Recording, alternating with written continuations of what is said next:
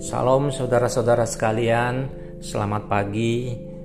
Mari kita berdoa sebelum kita merenungkan Yesaya pasal 40 ini pada pagi hari ini. Kita berdoa, ya Tuhan Allah Bapa kami, kami mau merendahkan hati kami untuk dibentuk melalui firman-Mu yang akan kami baca melalui pasal 40 ini dan kami renungkan pada pagi hari ini. Oleh karena itu, Mohon beri hikmatmu ya Tuhan, nah, karena kami sudah siap untuk menerimanya. Dalam nama Yesus kami berdoa dan bersyukur. Amin.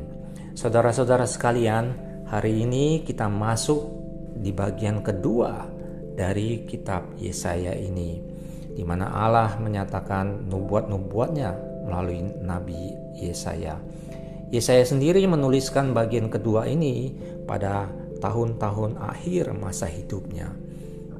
Bagian pertama, kalau kita lihat ada di pasal 1 sampai 39 dan biasa disebut sebagai buku penghakiman yang merefleksikan masa-masa bangsa Israel ditawan dan pada masa itu adalah masa-masa hidup Yesaya. Sedangkan bagian kedua merupakan puncak dari pembuangan bangsa Israel dan ini dimulai dari pasal 40 ini sampai pasal 66. Bagian kedua ini juga disebut sebagai buku penghiburan di mana bangsa Israel akan keluar dari masa-masa pembuangannya. Dan pasal 40 sampai 48 merupakan nubuat bahwa Allah memberikan pengharapan dan penghiburan kepada umatnya selama mereka ditawan di Babel kurang lebih 150 tahun sesudah zaman Yesaya. Pasal-pasal ini penuh dengan penyataan nubuat mengenai Mesias, Kristus yang akan datang dan kerajaannya kelak.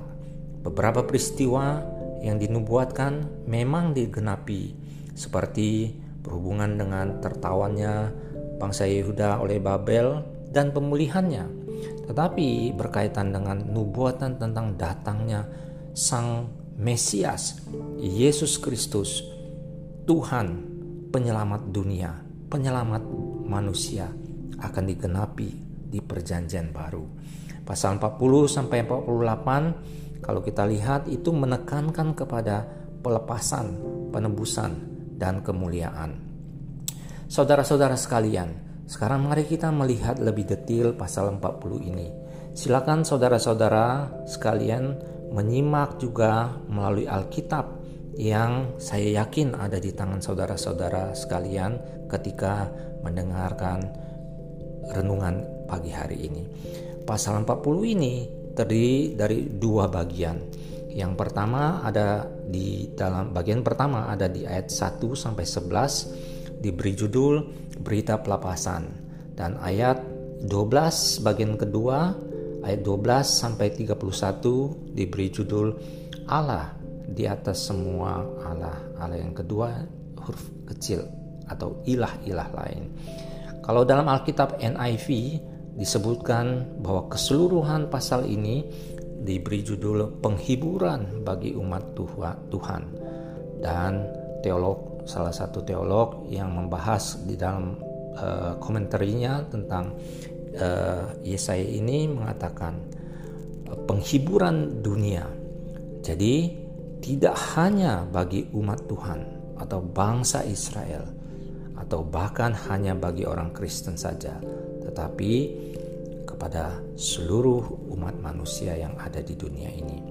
Saudara-saudara sekalian, bangsa kita pernah dijajah selama tiga setengah, tiga setengah tahun oleh bangsa Jepang. Dan kita masih ingat betul akan hal itu.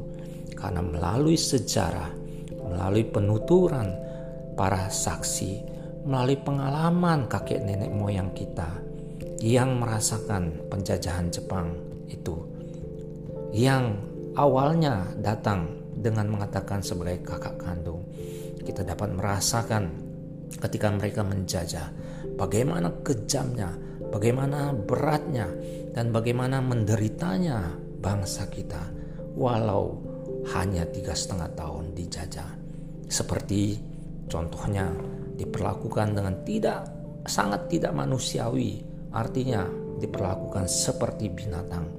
Bahkan dijadikan romusa, dibawa paksa untuk bekerja paksa di baik di dalam negeri maupun di luar negeri dan mengalami penyiksaan hingga mati kelaparan menjadikan perempuan-perempuan kita sebagai budak seks para tentara Jepang yang disebut sebagai Jugun Ianfu bahkan pakaian yang kita pakai pada saat itu hanya terbuat dari karung goni dan semua kekejaman yang luar biasa yang dialami. Dalam Yesaya 40 ini kita melihat bagaimana bangsa Israel sebagai yang bangsa yang terjajah selama kurang lebih 150 tahun pada zaman setelah Nabi Yesaya tentu mengalami penderitaan seperti dipaksa untuk menyembah berhala dan menyembah sujud kepada ilah-ilah yang lain. Dan ketika itu semua terjadi, satu kata apakah yang dapat menghibur kita dan yang kita harapkan ketika dalam masa penderitaan, dalam masa kesulitan yang demikian berat itu?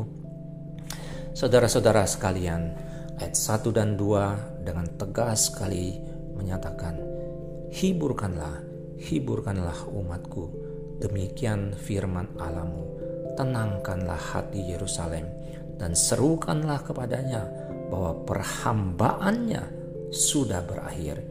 Inilah kata-kata yang dinantikan bagi bangsa yang tertindas bahwa ada janji, ada nubuatan bahwa perhambaan sudah berakhir.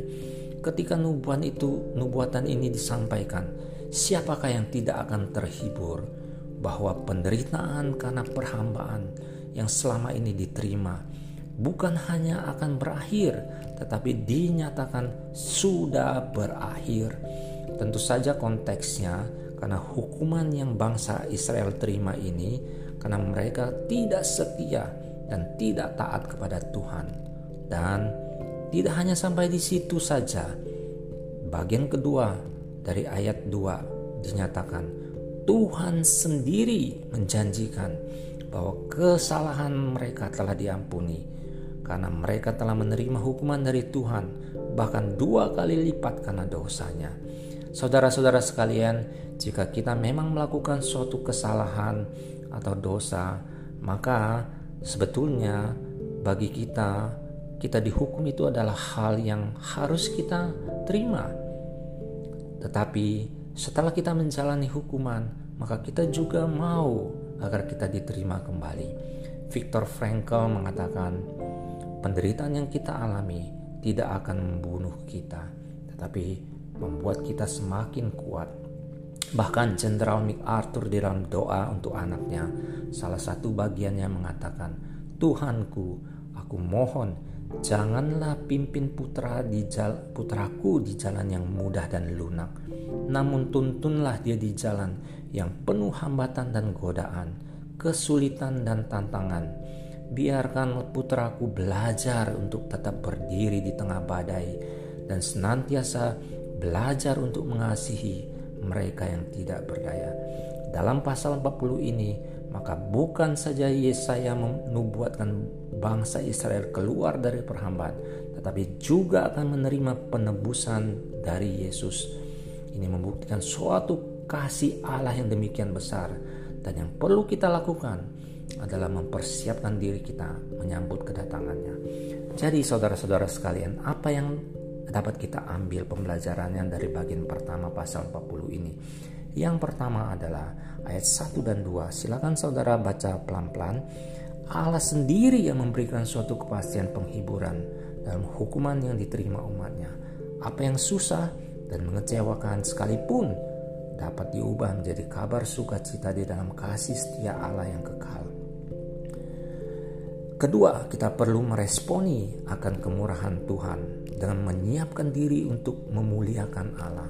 Di ayat 3 sampai 5, Yohanes Pembaptis mengunit, mengutip ayat 3 ini dengan mengatakan, "Bertobatlah sebab kerajaan sorga sudah dekat." persiapkanlah jalan untuk Tuhan, luruskanlah jalan baginya. Ketiga, kita menyadari bahwa kita adalah makhluk yang rapuh dan akan membawa kita kepada pengenalan Allah yang kekal di ayat 6 sampai 8. Dan keempat, Allah sendiri yang akan memberikan sukacita di mana ia akan menghimpun umatnya di ayat 9 sampai 11. Bagian itulah bagian pertama yang dapat kita pelajari. Bagian kedua dari pasal 40 ini diberi judul Allah di atas semua Allah. Allah yang kedua itu huruf kecil menekankan kepada hikmat, kebesaran, keagungan, dan kuasa kreatif Allah. Kita bisa melihat di dalam ayat 12 Allah sebagai pencipta begitu luar biasa pengetahuannya. Sedangkan di ayat 13 sampai 14 kita juga bisa membaca bagaimana kebijaksanaan Allah. Ayat 15 sampai 17 kita dipaparkan bagaimana kebesaran Allah. Ayat 22 sampai 24 kita melihat keagungan Allah dan ayat 26 kita juga bisa melihat bagaimana kekuasaan Allah. Kekuasaan Allah yang luar biasa sering kita lupakan, bahkan sering kita pertanyakan ketika kita berada dalam penderitaan dan kesulitan hidup. Sama seperti bangsa Israel di dalam ayat 27 ini juga mempertanyakan akan keluar biasaan Allah seolah-olah tidak peduli penderitaan mereka dalam masa pembuangan bahkan tidak melihat bahwa Allah adalah sumber kekuatan di ayat 29 sampai 31. Saudara-saudara sekalian, jadi mari kita pelajari dari bagian kedua ini adalah yang pertama, Allah adalah pencipta segala sesuatu dan kekuatan Allah akan menyegarkan kita di tengah-tengah kelelahan dan kelemahan, penderitaan dan pencobaan. Allah bukan pribadi yang lemah. Yang kedua, Allah tidak akan dapat disamakan dengan ilah-ilah lain yang ada karena dia adalah pencipta segala sesuatu. Dan yang ketiga, eh, kita harus nantiasa bergantung pada Tuhan karena dialah sumber hidup dan kekuatan kita. Orang yang berharap berharap kepada Tuhan akan memiliki kemampuan untuk mengatasi berbagai persoalan bahkan bagaikan raja wali yang terbang naik tinggi ke langit dan memiliki kesanggupan berlari secara rohani tanpa merasa lelah dan terus berjalan maju tanpa merasa letih karena Allah memberikan pertolongannya dan menopang kita tepat pada waktunya. Ayat 31 situ di pasal 40 ini mengatakan tetapi orang-orang yang menantikan nanti-nantikan Tuhan mendapat kekuatan baru mereka seumpama raja wali yang naik terbang dengan kekuatan sayapnya. Mereka berlari dan tidak menjadi lesu. Mereka berjalan dan tidak menjadi lelah. Inilah yang dapat kita pelajari dari pasal 40 baik bagian pertama maupun bagian kedua. Dan sudah seharusnya lah kita bersyukur memiliki Allah yang begitu luar biasa. Apa pun yang akan kita hadapi, kita tidak perlu merasa kecil hati karena Tuhan Sang Pencipta senantiasa bersama-sama dengan kita. Tuhan memberkati. Amin.